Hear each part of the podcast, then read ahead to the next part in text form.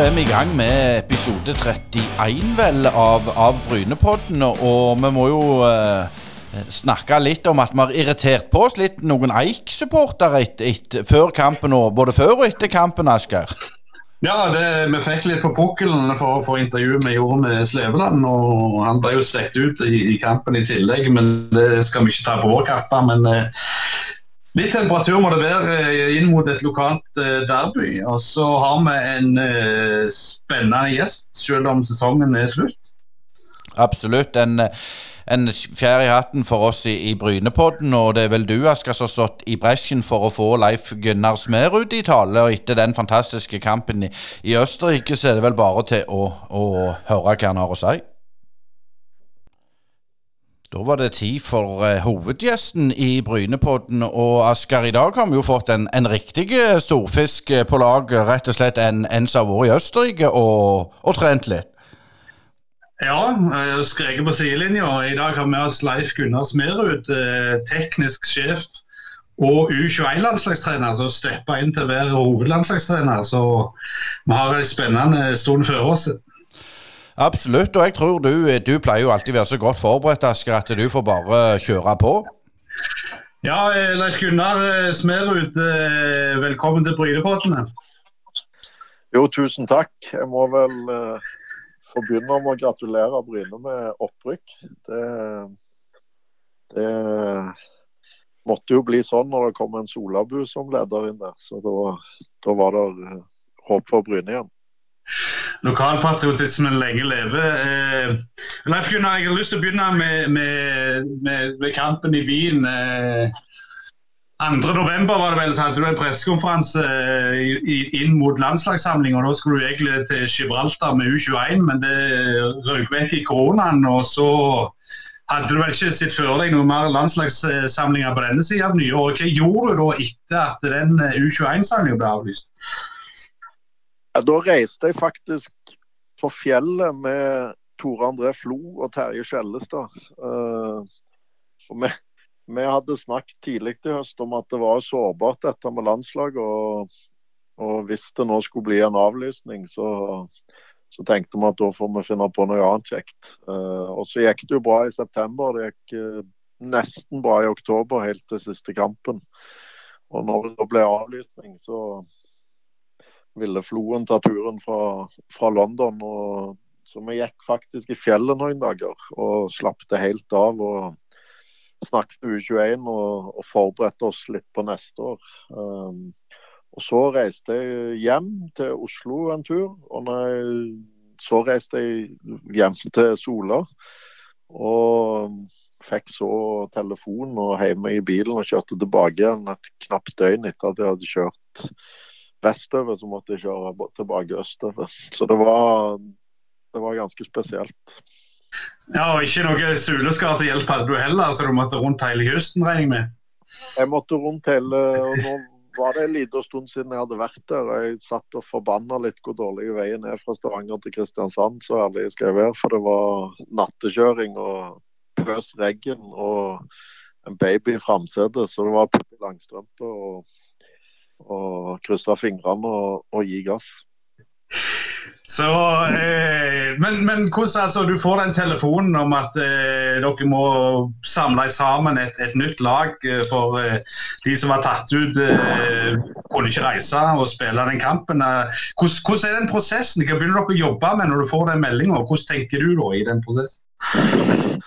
Nei, da gjelder det å få litt oversikt over, over hva spillere som er aktuelle, og, og hvem en kan uh, på en måte velge fra. Og Så gjelder det å lage en slags bruttoliste i, en, i en eller annen form for prioritert rekkefølge. og Det er veldig vanskelig, fordi eh, på et, på et sånn type grunnlag så vet du ikke hvem, helt hvem som er skada og hvem som er friske. og Dette var jo en i en internasjonal periode. og For alt vi visste, så kunne folk ha fått fri og reist på ferie eller være vekke.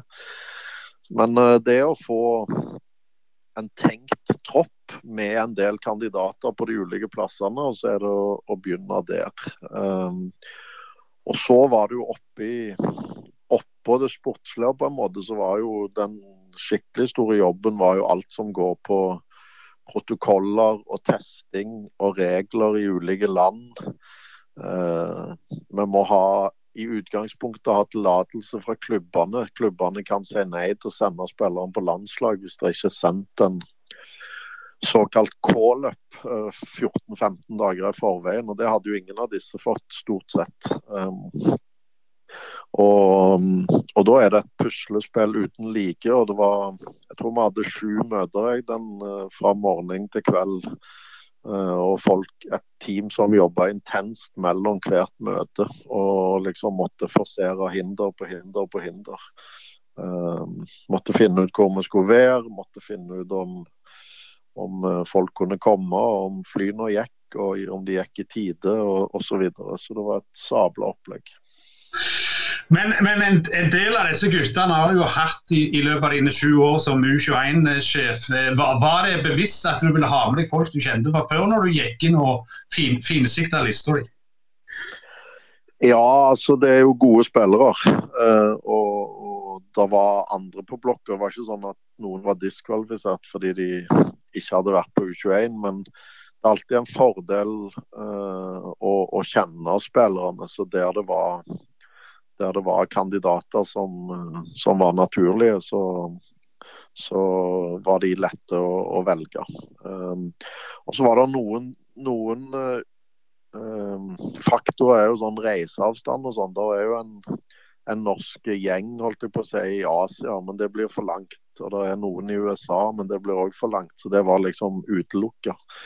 Så hadde vi noen i Tyrkia som vi var i kontakt med, men der er det utrygt med korona. Når testinga har ikke vist seg så pålitelig, og det er litt korona i noen av klubbene osv. Så, videre. så vi torde ikke å gamble på det. Um, så det er klart en sånn type stall, uh, det er litt tilfeldig uh, sånn uh, ak akkurat hvordan det lander, fordi at du, du jobber deg på ei, på ei liste fram og tilbake. og og får noen ja og noen nei, og så må du tilpasse. Så, så, det viktigste for oss var jo at det var en bra kvalitet på de som skulle være med, og det var det jo. Det var jo en, en, en god, god tropp, vil jeg si. Og så Når de begynner å sige inn til Oslo eh, etter én, vel ulike ruter, veier, lengre og kortere, og med litt dramatikk underveis, eh, iallfall på deg i Belgia. Altså, hva gjør du da når de begynner å komme på plass? Har du noen kontakt med dem da i starten, eller er alle bare testa og avlukka rundt forbi? Altså det, jeg aktiverte jo holdt jeg på å si, det teamet jeg har med meg. Så så parallelt med at vi prøvde å få dette eh, liksom, til om eh, måtte finne ut om det går eller ikke å få, få sendt et lag ned, så begynte jo mine folk å jobbe med Østerrike. Og vi var jo i, i kontakt med Lars og Perry og, og, teamet på A for å få tak i deres uh, tanker og kunnskaper. Uh, og så sendte vi Eh, når det da ble bestemt på søndagskvelden at uh, dette går vi for, um, så sendte vi noen i teamet vårt til å ta imot dem på, på Gardermoen og få dem trygt gjennom uten at de stoppet og kjøpte seg pulser og ødela hele greia. Og, og, inn og testa, og da har jeg vært i kontakt med ganske mange av de liksom, i løpet av den dagen. Um, men vi får ikke treffes. Um, så da må de testes og være på rommene sine. I tilfelle da en av testene er, er positiv, sånn at vi kan fortsette med resten. Uh, men da kjørte vi et, uh, et spillermøte på, på digital plattform da, på, sent på kvelden og sa hei og velkommen. og kan vi hva, som på en måte var de store trekkene i det vi skulle gjøre. Uh, men jeg traff jo ikke spillerne før, før uh, neste dag, egentlig. Så ja. Men eh, hvordan legger du opp, opp løpet som, som, trener? Altså, du har deg på flyet nedover og kan snakke kanskje litt der. Eh, men, men hvordan inngangen? Altså, det er jo, eh, det er jo ikke småguttlaget til, til, til Verdnes som du skal ut, ut, på tur med og kan liksom improvisere litt. Altså, du skal møte et godt lag. Eh, mange ukjente faktorer. Disse har ikke trent i lag eh, på mange år, om, om, om, noen gang. Men hvordan er det du går inn sjøl i, i, i, taktikken liksom, som trener? Hva tenkte du i utgangspunktet når du skulle begynne å sy sammen en plan? Nei, jeg tenker at, uh, og det tror jeg er ganske viktig, jeg tenkte at det er avgjørende at, at jeg klarer å myndiggjøre spillerne. Altså at de kjenner at de kan i en gitt situasjon gjør gjøre det de mener er rett, og jeg vil backe dem. Um, så det første, og det er egentlig en slags filosofi som går igjen, enten det er ekstremt kort tid eller bare vanlig kort tid på landslag så er det at jeg sier til spillerne at hør, du må gjøre det du mener er rett i enhver situasjon.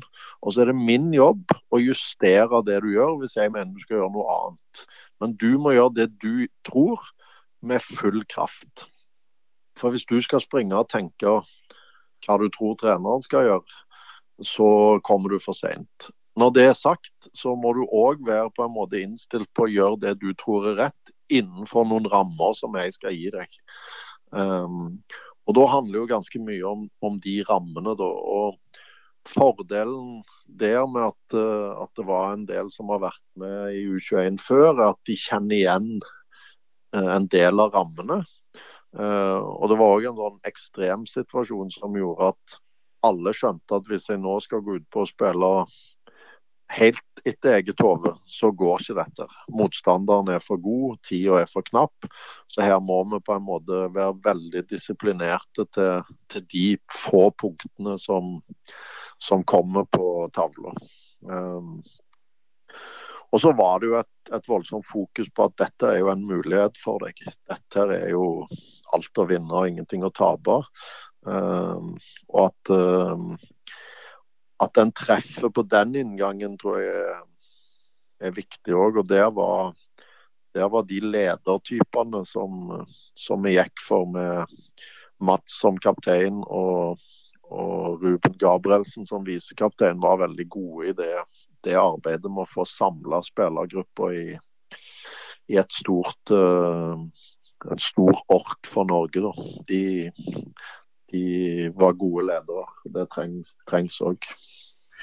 Og så så vi jo, eh, Det er jo en av de få gangene jeg, jeg i hvert fall har sett på, på, på en trening til lands, landslaget. altså sånn, De der kvarter vi fikk se. Da eh, Da så vi jo Tore André Flo var der eh, med han òg, og var ute og la ut kjegler osv. Var det noe dere hadde planlagt på fjellturen, at han skulle være med dere, eller ble det noe som du organiserte nokså over natta? Nei, altså Tore er med fast i mitt team på U21. Så, så han fløy jo hjem på torsdagen og ble, ble kalt tilbake på, på, lørdagen, var det vel. Ehm, så, så, han var bare hjemme og snudde. Og, og i, på U21 og for så vidt òg med A-landslaget, så er ikke vi har ikke som i Chelsea ubegrensa med folk. Så er du med, så får du gjøre jobben og bære mål og flytte kjegler. Det må vi alle gjøre. Så, og det Tore er en helt fantastisk fyr. Så, så, det å ha med seg han er et privilegium. Han er eh, veldig veldig erfaren fra de store scenene. Han jobber i kanskje det beste akademiet i verden. De produserer veldig mange gode spillere. Og han er en uh, veldig ydmyk uh, kar i tillegg. Så, så den treninga var viktig. Den var veldig viktig for oss. Og, og det er klart når du har så lite tid, så, så må du være effektiv på økta. Ok, Hva sa du til da eh, når du skulle sette opp på tavla og den treneren? Hva var det du brukte tida på, på, på den økta? På den økta så sa jeg vel egentlig at nå forvent, nå har det vært, og det vil jeg gjerne poengtere, det var vanvittig godt humør i, fra start til mål. Um, det var masse og det tror jeg Hvis dere går inn og ser de intervjuer med alle spillere og alt, så er smilet på lur. Men det er ikke fjas. Det er smilet på lur, avslappa, men fokusert. Um, og har, Nå har vi jo reist i Norge i 25 25 år på treningslærer, minst, og tenkte at reisedag, da må vi ta det litt med ro og komme i gang og sånt. Og det tror jeg ingenting på. Jeg tror ikke det er nødvendig. Så jeg sa at jeg skal ha bånn gass fra start. Eh, jeg skal ha høy kvalitet på denne økta. Sånn vi trener, sånn spiller vi. Um, og så handler jo da de taktiske handler ganske mye om, om uh, altså en, en, forsvarsplan der vi ikke ønsker å bli for lave i banen. Uh, derfor ønsker vi å spille med, med to oppe og stå ganske høyt med laget vårt og presse hardt ofte vi kunne. Og Det var kanskje det vi lykkes mest med. Fordi Hvis Østerrike hadde fått kampen inn i et spor der de fikk pressa oss, så er de knallgode. Det viste de jo når de, når de slo A-landslaget vårt. Men jeg tror vi, vi traff på den strategien med at de må, de må kjenne litt på at uh, hvis de gjør feil her, så er vi klare til å straffe dem. Og da må vi tørre å stå høyt nok, og vi må jage godt nok. og det kan du bare gjøre hvis du står rett i banen. Så vi var helt avhengig av en backfirer som var tøff i trynet og, og sto ganske høyt. Uh, og vi måtte piske de, de framme i banen til å jobbe og jage. Og, jeg, jeg, hørte jo at det var noen som stussa på at vi tok ut spisser og kanter uh, når vi trengte mål, men det er klart han ene hadde krampa fire plasser, og et par av de andre var òg helt totalt tomme. Så det var ikke så mye valg, og det var fordi at de pressa på en, på en helt vanvittig måte. Når det gjaldt angrepsspillet, så var det uh, starta egentlig med å løfte over de.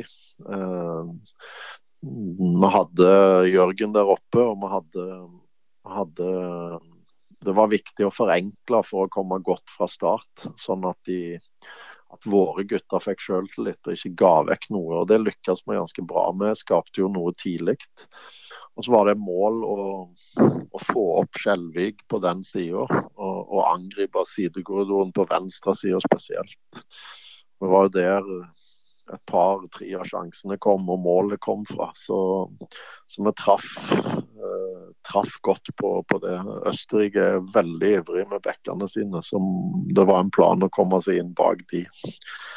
Så det var noen grove trekk. Det var å, å få Østerrike til å måtte bruke venstrehånda si, hvis det går an å si det. At de måtte liksom gjøre ting de ikke er så gode til. Mens vi skulle prøve å få tilgang med med våre spillere. Veton til å presse, som han gjør bedre enn de fleste. Jørgen Skjelvik er knallrask. Så Mats og Gias, og så til Jørgen. Eh, sånne type kombinasjoner.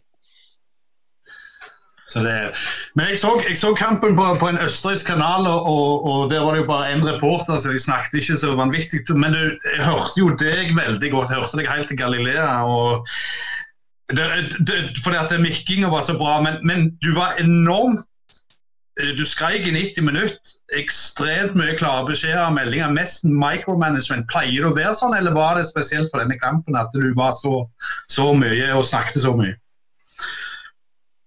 Altså, dette, dette er et uh, viktig, viktig område, fordi at uh, Uh, når jeg var i Hønefoss, så fikk jeg faktisk litt kritikk, og tok litt kritikk på at jeg var litt for ivrig fra sida. Uh, jeg er jo gammel spiller, så da styrte jeg òg mye ut fra banen. Um, så når jeg tok over landslag, så var jeg egentlig innstilt på, på å ligge lavere i terrenget, holdt jeg på å si, fra sidelinja. Jeg, jeg, hadde tidligere en prat med Nils Johan Semb, som, som sa det at hans erfaring var at i landslagssammenheng, og særlig med yngre lag, så er, trenger de hjelp fra sidelinja. Så jeg er ganske ivrig i, i mange av kampene våre. Uh, og så er det en balansegang. og Noen ganger treffer en, og noen ganger blir det sikkert for mye. Men det er litt, i denne kampen var det litt sånn uh, Det er vel Klopp som har sagt noe om at uh, han må være reservetanken. Vi måtte jo på på reservetanken ganske tidlig. Um, fordi at vi har hatt så lite tid til å øve inn hvor alle skal være, så må en liksom coache det fra, fra sida. Så det var et, et, ganske bevisst valg. Jeg tror hvis du tar pulsen min, så er jeg ganske rolig under kamp. Men du hører meg, og jeg er aktiv, veldig aktiv til tider. Så det, så det, er ikke uvanlig, men det, jeg måtte jo le litt. Jeg hørte bare det rungte herrene. Du knuser han, hørte jeg bare ropte. Så det, det, var jo en artig sans rett i starten der. Men, ja. men det jeg ropte vel, jeg ropte vel PK Knut Skoner et par ganger òg. Så jeg var glad for han, glad for han fjerdedommeren ikke kunne norsk. Men uh, Ruben Gabrielsen, han faka. Han satt nede en på et veldig viktig tidspunkt. Men når han kom gående ut mot sidelinja, da, så Han kunne jo bare sagt at uh, det går helt fint, jeg bare lada som jeg hadde kramper. Men da drev han og blunkte. Og kroppsspråk skjønner jo de av fjerdommerne, så jeg var ikke helt uh, komfortabel med at han blunkte masse til meg, for fjerdommeren sto rett på sida og så dette. Så, men, men. Knut Skoner var det ingen dommer, fransk dommer som skjønte, så det gikk bra.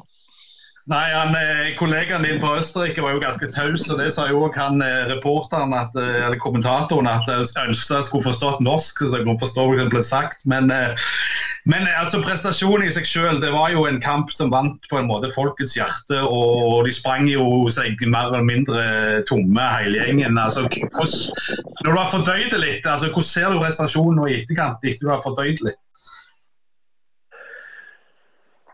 Altså, det er um, Noen ganger så, så må du klype deg litt i armen fordi at, uh, at spillerne henter fram i den kampen en, uh, en, en, sånn kombinasjon av hjerte og hode som, som, var ganske spesiell. Det er, det er en relativt krevende kampplan med det høye presset. og det er lett at vi detter fra hverandre.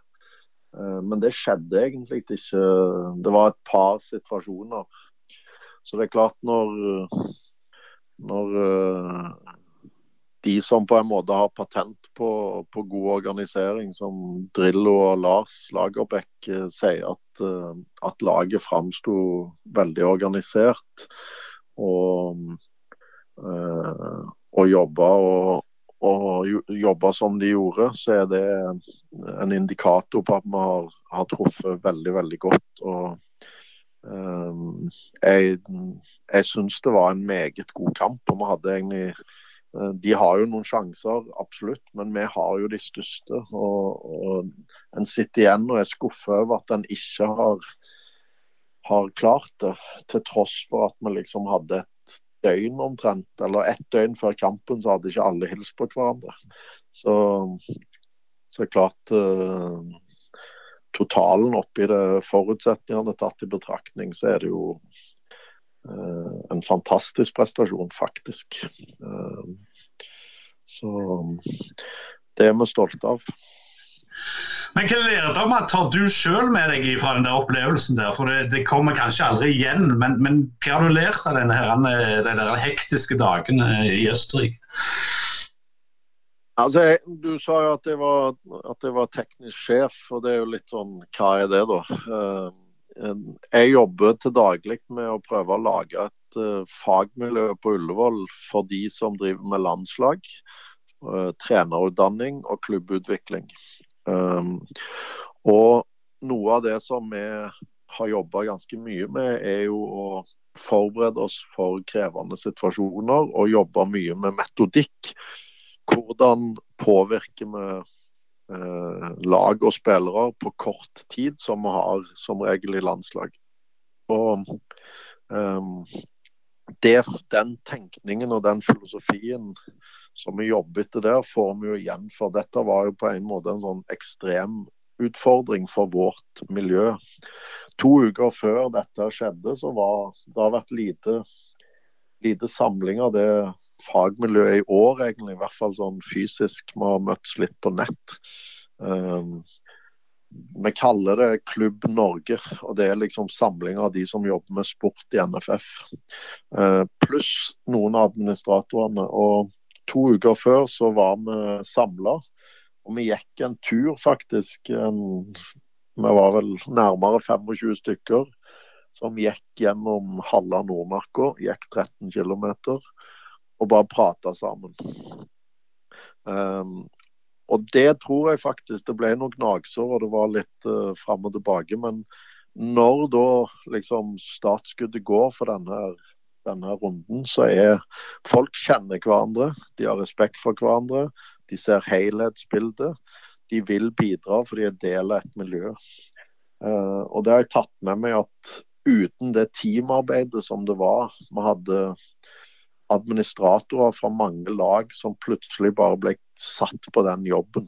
Uh, noen måtte ordne testning i, i, et eller annet land, noen måtte ordne flybilletter, noen måtte kvalitetssikre hotell. Altså, det var en million oppgaver, Eh, men den var ganske samstemt ganske fort. Eh, og det tar jeg med meg at, at det viktigste en, en, har av forberedelse, det er å ha et miljø og være et, et, team og en gjeng som kjenner hverandre og respekterer hverandre. Hvis du har det, så kan du få til ganske mye på kort tid.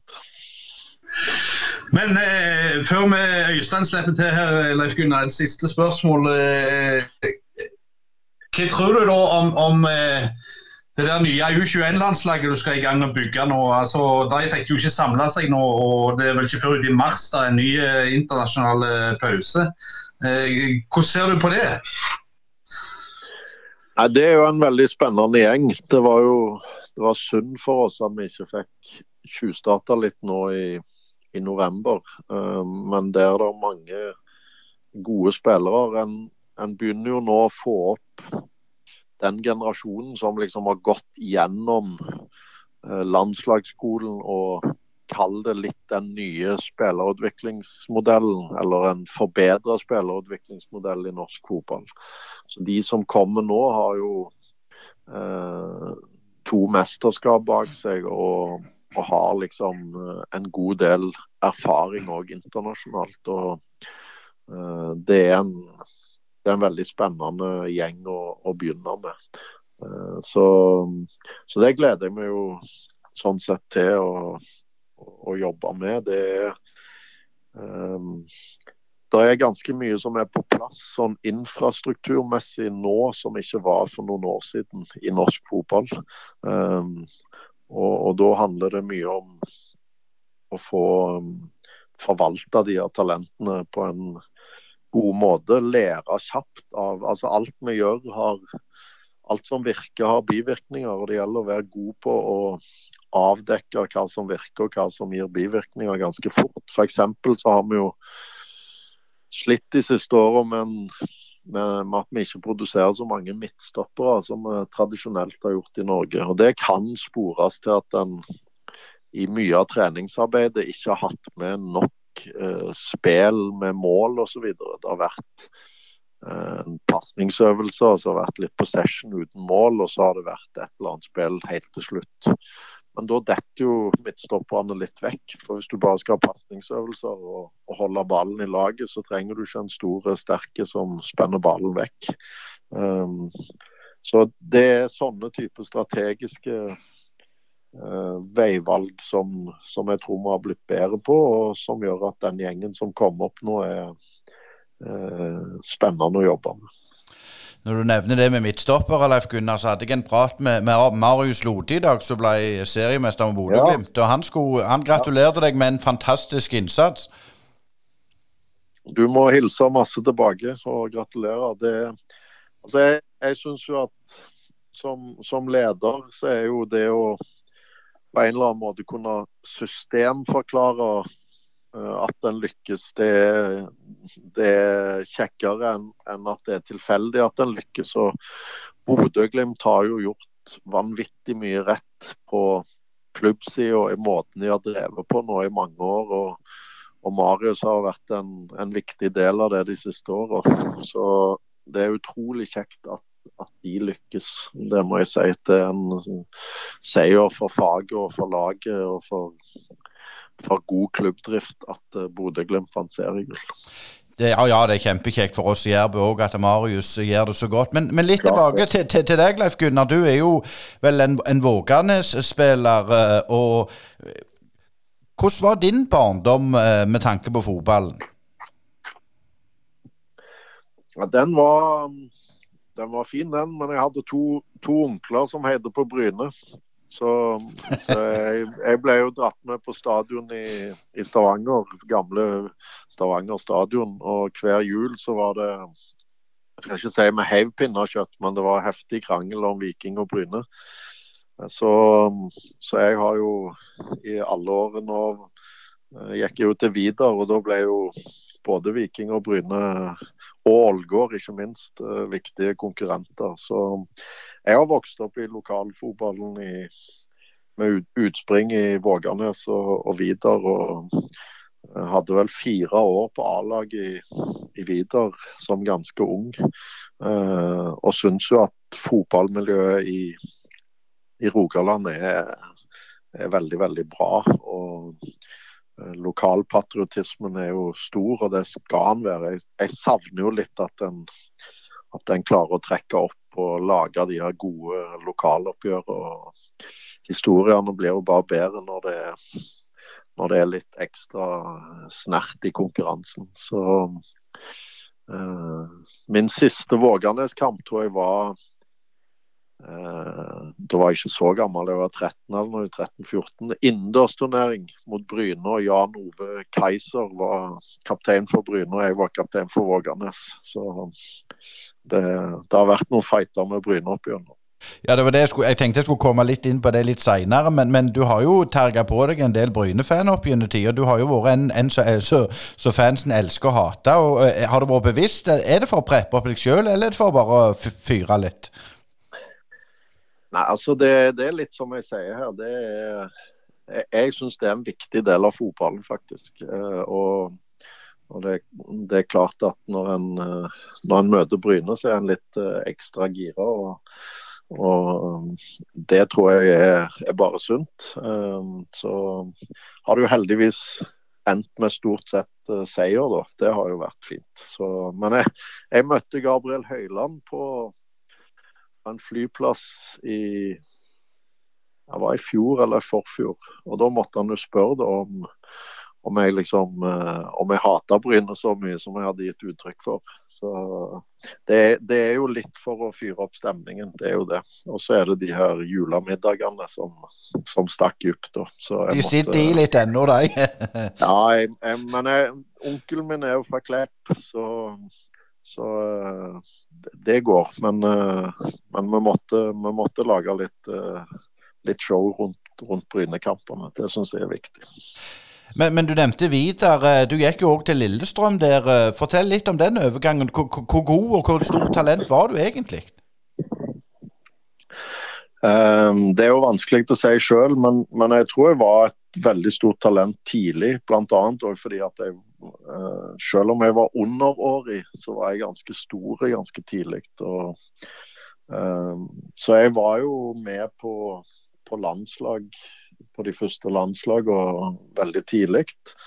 Eh, jeg spilte som underårig på, på U21-landslaget òg. Jeg fikk ikke kjempemange kamper, men jeg har et EM bak meg som, som 18-åring. Eh, og når jeg gikk til, til Lillestrøm, så var det eh, det var, Da var jeg 19-20 år og spilte, spilte ganske mye i, i Lillestrøm de første par åra. Og hadde vel nest flest assist i Eliteserien som 21-åring eller noe sånt. Men uh, jeg gikk jo tilbake til Viking, og, og Benny Lennartson ville ikke satse på meg, for det var Bjørn Berntsen som hadde kjøpt meg. Der var det en, en eller annen konflikt som jeg havna litt midt mellom. Så, så jeg fikk vel ikke maks eller jeg fikk ganske langt fra maks ut av den spillerkarrieren min. Uh, så Men jeg, jeg, jeg, tror jeg hadde talent til å, til å ta det relativt langt, men det klarte jeg ikke. Eh, av mange ulike årsaker. Ja, for det var det jeg tenkte på. Du er jo psykologiutdanna. Når kom den interessen for, for, det mentale? Jeg begynte på idrettshøyskolen da jeg begynte i i Lillestrøm og, og studerte idrettspsykologi, så den var med meg ganske tidlig. Og så uh, har jeg vel hatt en trener i magen egentlig alltid.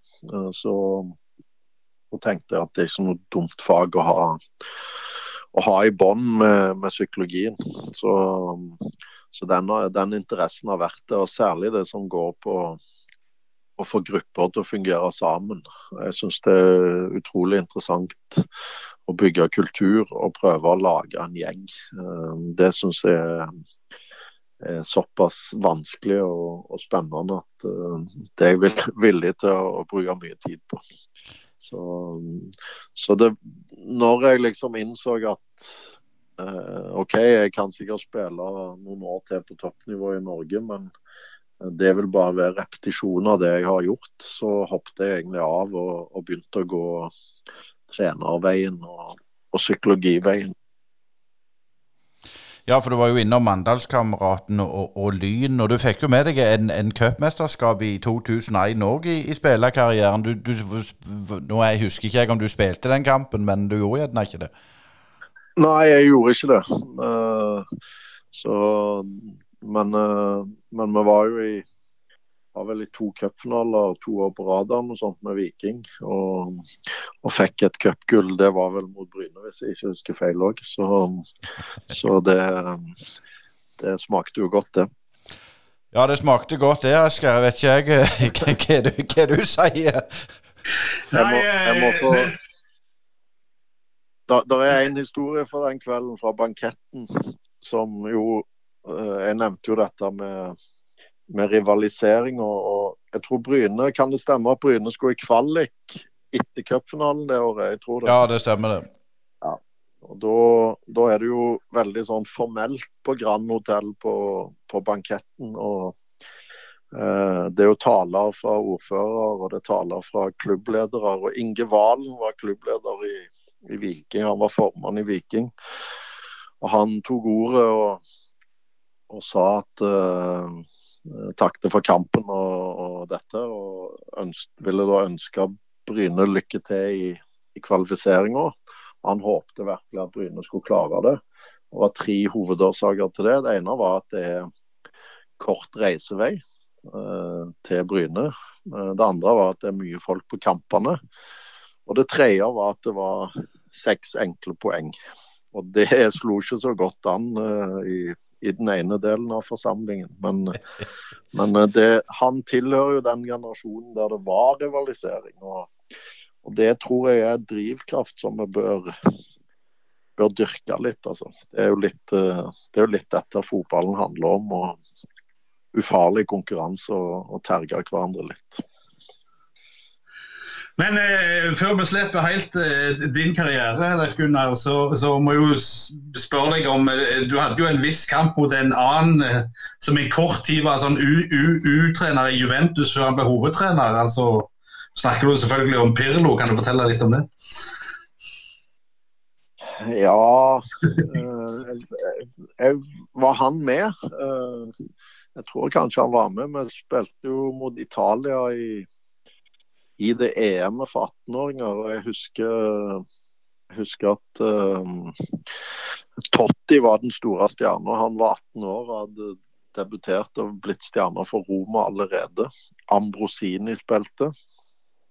Og Buffon sto i mål. Uh, Buffon var en av få av de italienske som kunne engelsk, og han hadde nøkkelen til utstyrsrommet. Så det endte med at uh, Norge og Italia, som bodde på samme hotell, etter at de hadde slått oss, selvfølgelig, så ville de bytte utstyr.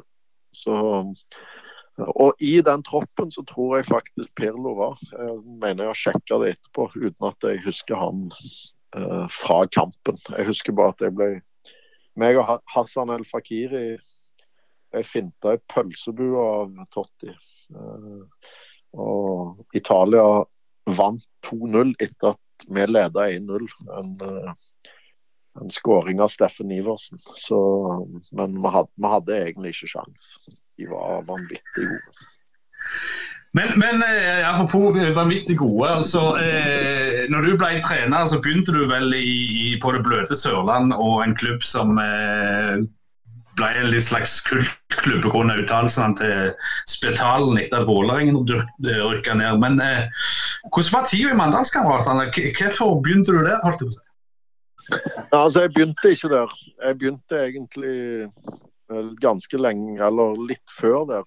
Eh, for det første var jeg litt trener i Vidar um, veldig tidlig. Jeg hadde Min bror er fire år yngre og spilte på lag med, med Brede Hangeland. Uh, og det, De var en veldig bra gjeng. Og i Vidar var det en voldsom treningskultur. Så jeg hadde noen søndagsøkter eh, med, med, en del frivillige der. Så hadde jeg et et helt år, det siste året mitt i Viking, så trente jeg juniorlaget til Viking og skolefotballen i, på Svithun. Det var et samarbeid. Så da hadde jeg to treninger hver dag omtrent med uh, Hvem var med der, da? André Danielsen, Iven Austbø, uh, Alexander Gabrielsen. Den, den generasjonen.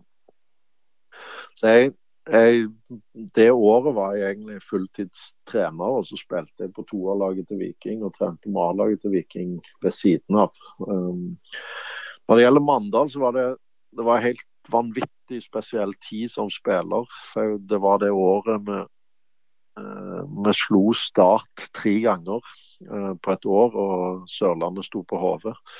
Og dette var jo i skyggen av Spetalen sin berømte uttalelse. Så fikk en uh, Dette var i 2003 og 2004. Og så fikk jeg en henvendelse igjen tror jeg i 2007. Jeg tror det var 7. Om jeg kunne komme og prøve å, å redde klubben. Da hadde de uh, ikke vunnet en kamp, tror jeg. Og uh, jeg sa ja, og jeg tror ikke vi heller nesten vant en kamp. Så Eh, men jeg lærte mye av, av det. Eh, en kan si at det var litt det samme da som nå. Eh, inn og prøve på kort tid og gjøre et lag klar til én kamp, og så fortsatte det jo et par måneder eller hva det var. Men, men jeg tror summen av de erfaringene en bygger som trener er, er ganske viktig. Det er et erfaringsbasert yrke. Så kanskje uten at jeg hadde sagt ja til det, så hadde jeg kanskje ikke vært der jeg var i Østerrike. Um, så en, en, må liksom En må tørre å, å bomme litt òg. Um, det som var spesielt, var når jeg kom tilbake til MK etter, etter, at det hadde gått noen år, så var det egentlig en, en helt ny klubb. Um, så mye av det som var magien med en sånn Det var en blanding av veldig dyktige ledere som foreleser på BI og, og, er virkelig gode ledere i både teori og praksis. Og noen eh, galninger, noen med en vanvittig sånn Vi bare kjører på grønn power. De klarte å finne sammen i de par åra eh, når det gikk som best for MK. Men så så klarte de på en måte ikke å holde det skipet flytende lenger. Så, så det ble det ble nedrykk etter hvert. Og, og, jeg reiste tilbake, tilbake, til København og fullførte studiene. Men så ble det jo en slags eh, kjent for, for Sports-Norge, iallfall når du tok over Hønefoss. Eh, og Det er òg en klubb som kom opp fra, fra nesten intet, som ikke hadde noen sånn djup eh, fotballhistorie, iallfall ikke i vår levetid. Eh, hvordan var det å jobbe i den klubben? Det var eh, Jeg vil si at det var veldig lærerikt og givende. Fordi jeg var heldig å få med meg eh, altså Noe av det viktigste, syns jeg, da, det er de folka du jobber sammen med. Og det jeg fikk anledning til i Hønefoss, som ikke hadde de, de, har jo ikke så voldsomt lang fotball og god fotballtradisjon. Um, det er, sangen der er jo øverst på pallen, og det er jo ikke noe pall i fotball. Um, så, så, det var jo en, en, klubb som hadde stor vilje, men ikke så veldig stor fotballtradisjon. Og, og vi fikk uh, et spillerom. Uh, de valgte modig nok å gå for et ungt trenerteam uh, og kompetanseveien. Så jeg hadde med meg Pål Arne Johansen, som senere havna i Legia Warszawa og nå trener U19-landslaget vårt. Christian Torbjørnsen, som, som, nå er i Rosenborg. Uh, Luis Pimenta, som har gjort det bra med Kongsvinger, vært i cupfinale. Uh, han trener nå U18-landslaget vårt. Håkon Wibelund, som var i Fredrikstad, nå i Strømsgodset. Så det var en veldig ung, sulten trenergjeng som utvikla mye fag, og fikk anledning til det i hvert fall en stund. Um, så, så, var det jo uh, Fordelen var at du kunne få påvirka mye, og ulempen var at du måtte gjøre og stå for veldig mye.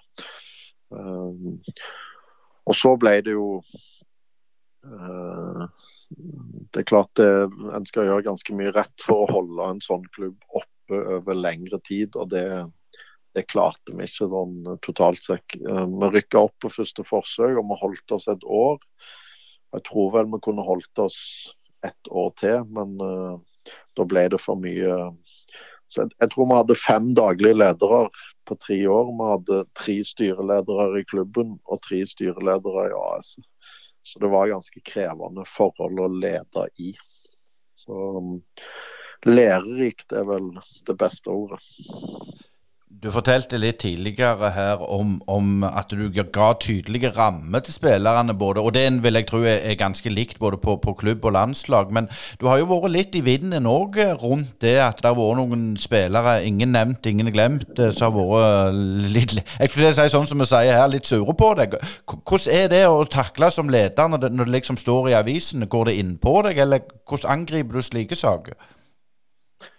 Altså I Hønefoss var det det var faktisk litt stygt, syns jeg. Eh, fordi at det var én anonym kilde. Eh, og det har aldri liksom blitt bekrefta hvem det var, eller at det var. Eh, så, så der var det jo noen som hadde en egen agenda. Jeg var jeg var ganske tøff. Det var en del eldre spillere på utgående kontrakter. Og, og vi ville ikke nødvendigvis gi nye kontrakter. Og da risikerer du at, at eh, folk begynner å tenke på seg sjøl og er villige til å gå ganske langt. Og det er ikke noe kjekt, men eh, en må liksom en må leve med det. Eh, en har ikke så mye valg. Men jeg, jeg, jeg syns den var ufin, fordi at eh, sånne angrep fra anonyme kilder som der spillerne kommer og kapteiner kommer og sier dette her dette forstår vi ikke, dette kjenner vi oss ikke igjen i.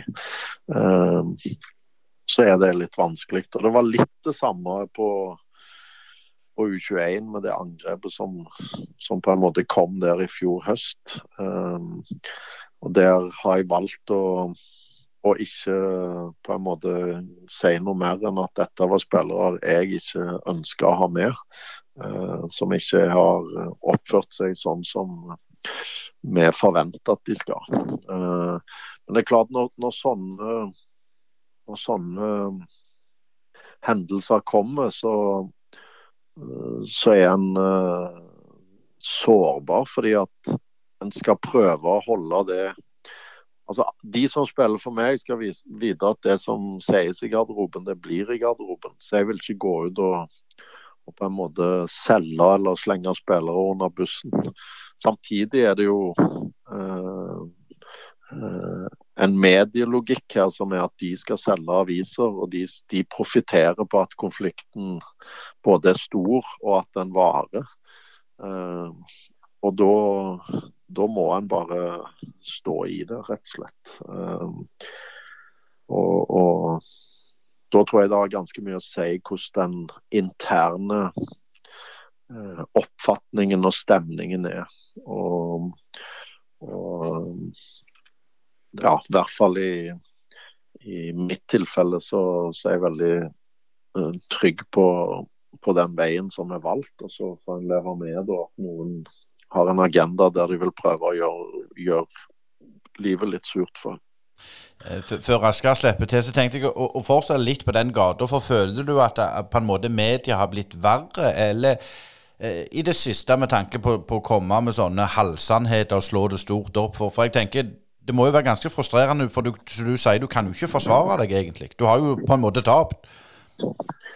Altså, det, det er en interessant sånn mediemessig, og hvis en skal være eh, alvorlig oppi dette, så, så, er det noen interessante dynamikker der jeg tror at spillere, agenter og journalister egentlig kan tjene på å hjelpe hverandre ganske mye. Uh, det er bl.a. En, en kjent svensk uh, debattør eller kronikør eller hva det heter, fotballjournalist, som jo ble tatt for å ha bare snakket opp uh, og skrevet opp spillerne til, til en agent. Um, det er klart, Hvis han skriver opp spillerne til en agent, så tjener agenten på det og spilleren på det. Og mot det så kan de gi inside information som egentlig hører til garderoben. Og når alle tjener på det, eller de kjenner på det, så er det jo vanskelig å stoppe. Så jeg gir deg laget, eller gir deg um, denne inside uh, storyen, mot at du beskytter meg når jeg er dårlig, eller skriver meg inn i rykter om en klubb som øker attraktiviteten for den spilleren. Og Dette tror jeg det er en del av. Og, um, og her, uh, her, er det noen sånne Eh, ting en, en bare må leve, på en måte leve med, for en får ikke gjort så mye med det.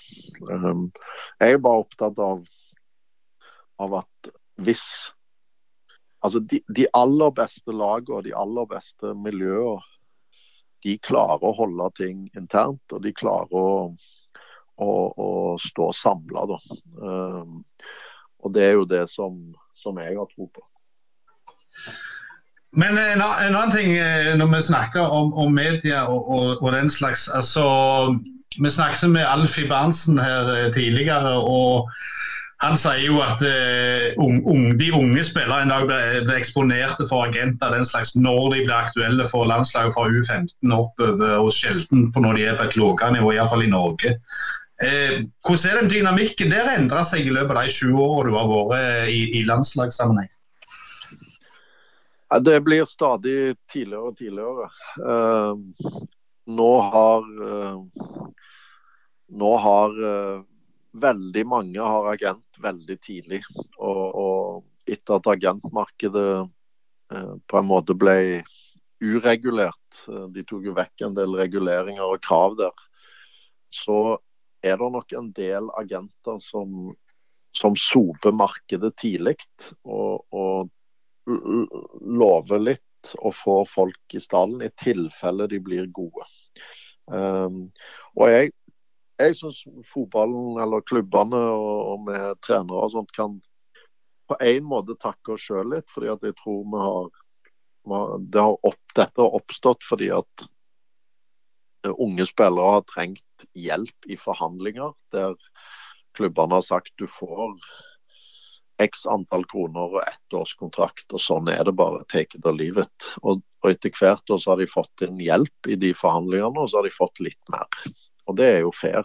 Eh, det er jo ikke, ikke sånn at klubbene eller trenerne ensidig skal, skal styre dette heller. Men eh, og Jeg har snakket mye med, med Tore André om dette. Det er klart, når en kommer inn i, i landslagsdiskusjoner og på landslag og på eldre landslag, så begynner det å bli ganske mange eh, hva skal en si, forstyrrelser eh, og fristelser. Og det begynner å bli veldig mange interesser rundt disse spillerne. og Chelsea, som, som Tore jobber i, er jo, er jo ekstremt fordi det er så vanvittig store penger så tidlig. Så de driver jo bl.a. og å lære spillerne å kryssjekke informasjon. Altså, hvordan vet du at det som når, når en sier til deg at nå er den klubben interessert i deg, hvordan vet du at det stemmer? Hva, hva må du gjøre for å være sikker på at, at du ikke blir forleda i den situasjonen her? Um, og, og det er en sånn her tror jeg problemet er ganske lite i Norge, der jeg opplever at, at uh, agentene i det store og det hele gjør en, en veldig bra jobb og, og, har gode, sunne interesser og perspektivene på plass.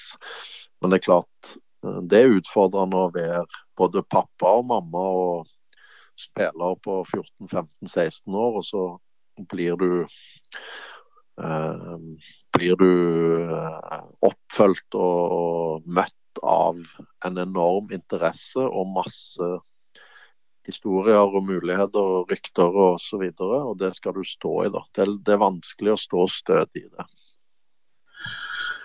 Men, men hvor står du i den der debatten mellom, mellom hjemme og ute? altså Utvikle deg hjemme eller gå tidlig til et eller annet akademi. Eh, hvor, hvor er du i den debatten? Er der at, eh, at det er veldig, veldig individuelt. Um, fordi at uh, det handler om hvem det er som skal ut. Og det handler veldig om hvor er det den kommer til, og miksen mellom de to. Um, så um, det, det, jeg er litt bekymra for, det er jo at um, norsk fotball nå legger ganske store summer gjennom uh, den såkalte akademiklassifiseringen. Så har en bygd opp toppklubbene spillerutviklingsprogram ganske kraftig. Um, vi har uh, flere og flere heltidsansatte trenere som er stadig mer kompetente og skolerte. Han har lagt mye i det. Og hvis for mange spillere går ut uten å legge igjen penger, så rakner det systemet. Og det er ikke bra. Så det er jeg veldig opptatt av sånn uh, grunnleggende at, at, spillerne må legge igjen kroner når de går ut. Um, og når da diskusjonen kommer, skal den gå til en uh, nederlandsk eller en tysk klubb som 15-16-17-åring, så er det faktisk sånn fra case til case.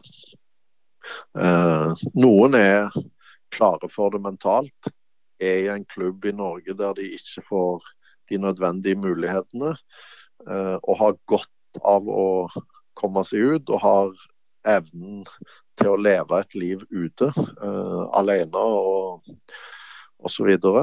Mens andre definitivt ikke har det.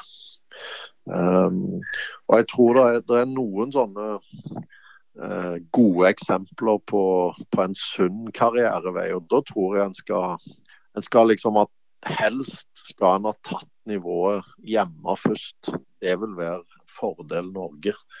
Altså spill i Norge fram til du mestrer Eliteserien, og så ta steget ut. Ja, det er vel en kar fra Bryne som har, har tatt den veien, og du har vært involvert med Erling på, på U-landslaget. Hvordan er det å ha vært trener for noe, for, for noe sånn, for å bruke det flåsete uttrykket? Jo, det er jo det er jo spennende. og Det er litt givende i den jobben jeg har, at veldig mange av de som, som nå gjør det bra, har jo vært innom hos oss òg. Erling var det jo veldig kort. altså Erling, Erling og Sander Berge har vært innom ganske kort hos oss fordi at de, de tok vanvittige jafs. Eh, både fysisk og, og prestasjonsmessig på kort tid. Så Erling har ikke jeg jobba voldsomt mye med. Uh, på Lane, som har hatt, hatt Erling uh, på 19- og U20-landslaget, har jeg hatt han mye mer. Um, men det det gir oss, er jo en referanse på hva er det å være bra. Uh, så jeg har jobba masse med, Martin Ødegaard og, og, og Moi og de her karene Sørloth osv. Um, og det er veldig spennende og givende å se modningen og se reisen de gjør. De lærer jo av hverandre. Jeg er helt sikker på at, at Erling profitterer på, på, at noen har gått foran han i løypa. Um, og det miljøet som, eller det oppgaven vår er å lage et miljø som gjør at, at sånne som eh, disse vet hva som kreves. Ehm, jeg jeg syns jo vi har en ganske sånn fin setting i Norge nå, hvis folk bare følger med. Ehm, de aller beste hos oss de gjør alt rett. Og Erling er en av de.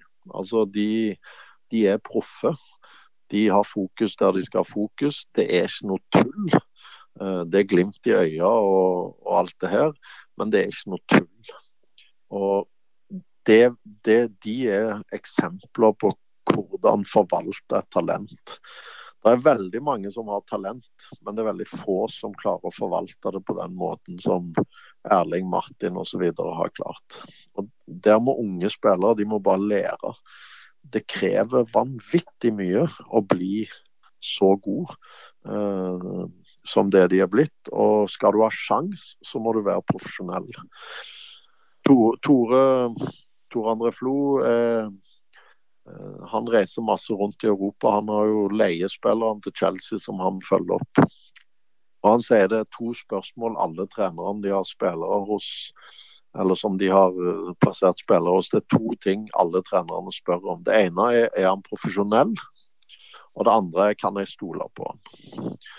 Og Det er ganske mange unge spillere i Norge som har et vanvittig talent, talent men ikke er profesjonelle nok og ikke er til å stole på. Og Det må vi prøve å legge til rette for, da, at, at de lærer seg. Interessant. interessant. Eh, litt sånn eh, Når det gjelder dette med sosiale medier For det er klart, disse du nevner, de spillerne er jo på en måte heltene til millioner av, av, av, fans. Har dere på landslaget noen retningslinjer når det gjelder, gjelder det? Nei, egentlig ikke. Uh, vi, vi, har jo en lang tradisjon i Norge på, på frihet under ansvar. Uh, så vår jobb er jo litt å, å bevisstgjøre og sånn, men, men, vi legger ikke begrensninger uh, på det. jeg er opptatt av garderobekultur. Jeg tror at, at, det er viktig at noe, altså jf. den diskusjonen som var Eh, tidligere i høst rundt A-landslaget og lekkasjer. Jeg tror det er uheldig om interne ting lekker ut. Eh, fordi at det skaper en utrygghet i prestasjonsgrupper. Eh, folk tør ikke å si alt de tenker osv. Men vi har ikke sånn at vi sier at det får du lov til, det får du ikke lov til i, i sånn, når det gjelder sosiale medier. Det har vi ikke. Der er opplever jeg majoriteten av spillere veldig fornuftige og, og kloke. Vi kunne jo eh, holdt på i, i ni timer til, men det, vi skal slippe deg snart. Men eh, jeg har lyst til å spørre litt eh, om utviklinga. Altså, I 2013 da var din forgjenger i, i, i semifinalen i U21 ved EM i Israel. og Norge ble nummer tre, og forventningene sier kanskje litt at nå vil vi snart se et norsk lag igjen i et, et A-mesterskap, men så har det ikke skjedd. altså hvor ligger vi i løypa nå som fotballnasjon, altså både klubb og landslag? Altså, hvordan, hvordan vil du si at eh, vi ligger an i det store bildet? Um, altså det, det, er et bra spørsmål. Uh, jeg tror når det gjelder U21-segmentet, så så er, er, det jo rett at vi ikke har vært i, i mesterskap. Vi var i en playoff i når var det, 2016. Det var når Trump ble president. Uh, så det var jo det var ille å tape playoffen, men det var enda verre at han ble president. Um, men, men uh, og vi, vi, kunne jo ha klart det uh, i kvaliken etterpå, men da rota vi jo vekk poeng til er Kosovo på gule kort, men da slo vi jo Tyskland bl.a. Så jeg vil jo si at vi har vært nære. Og i den perioden på de, på de seks-sju åra siden eh, Norge da klarte å gå til EM, som bare var andre gang for øvrig gjennom historien, um, så har vi vel produsert over 20 A-landslagsspillere.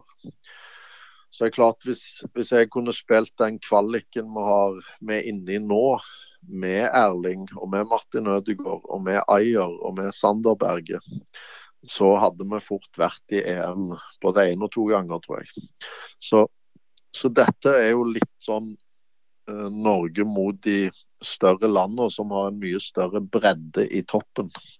Um, det vi ser er jo at vi har kvalifisert oss og gjort det bedre på guttasida snakker nå, så har vi gjort det bedre de siste åra enn noen gang. eh, på, på landslag, altså aldersbestemte landslag. Vi har vært kåra til most rapid climber i Uefa. Um, og vi fikk faktisk henvendelser fra Tyskland etter et år der vi slo de med tre lag i avgjørende kamper. Uh, de ville spille treningskamper mot oss. Uh, så, så, vi har markert oss der. Vi har gått til flere sluttspill enn en noensinne. Uh, samtidig så er, når det kommer til U21-nivå, så er det en, en sånn aldersnivå der Eliteserien blir på en måte ikke god nok arena uh, hvis du skal virkelig kjempe inn. Fordi de du spiller mot på U21, uh, eh, spiller på toppligaen i Europa. Så når vi møter Portugal, så møter vi Jota, og han spiller i Premier League. Uh, og vi møter Jonathan Ta, som spiller i Bundesliga. og Altså, du har spillere som da har tatt steget opp. Så vi konkurrerer veldig godt på 17, og vi konkurrerer godt på 19. De har gjort en utrolig god jobb. Og så er steget da når du blir 21 er, er krevende å ta med, med, full tropp. Og det er i hvert fall krevende å ta når, når mange av de beste har blitt løfta opp på et A-landslag som har trengt Eh, påfyll.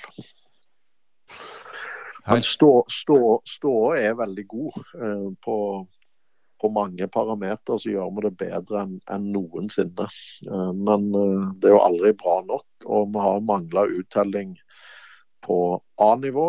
Og vi har mangla uttelling i, i, form av mesterskap på U21-nivå. Men U21 har tradisjonelt vært åtte lag til mesterskap, så det er blitt utvida til tolv. Um, så det er jo det å begrense uh, nåløya opp mot uh, A-landslag som har mange flere mester, nei, lag i mesterskap. Uh, helt til, til, slutt, Leif Gunnar. Nå regner jeg med at, at du er meldt deg på for å bli en, den neste A-landslagstreneren, stemmer det? Altså det, det er ikke opp til, til meg å ha noe fokus på eller se på. Vi har en en ekstremt eh, dyktig eh, A-landslagstrener i dag, som har heldigvis eh, kontrakt videre.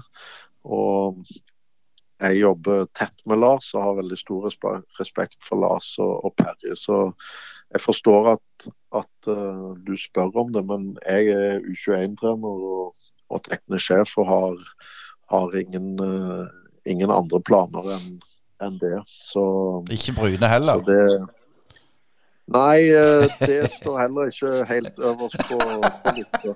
Eh, så der, der, er jo Jan Halvor en god mann, og nå har han rykket opp. Så han skal få lov til å, å kjøre det toget, det toget videre. Så, så, jeg skal ikke Jeg skal verken ta den ene eller den andre jobben. Jeg får prøve å gjøre den jobben jeg er satt til å gjøre så godt jeg kan.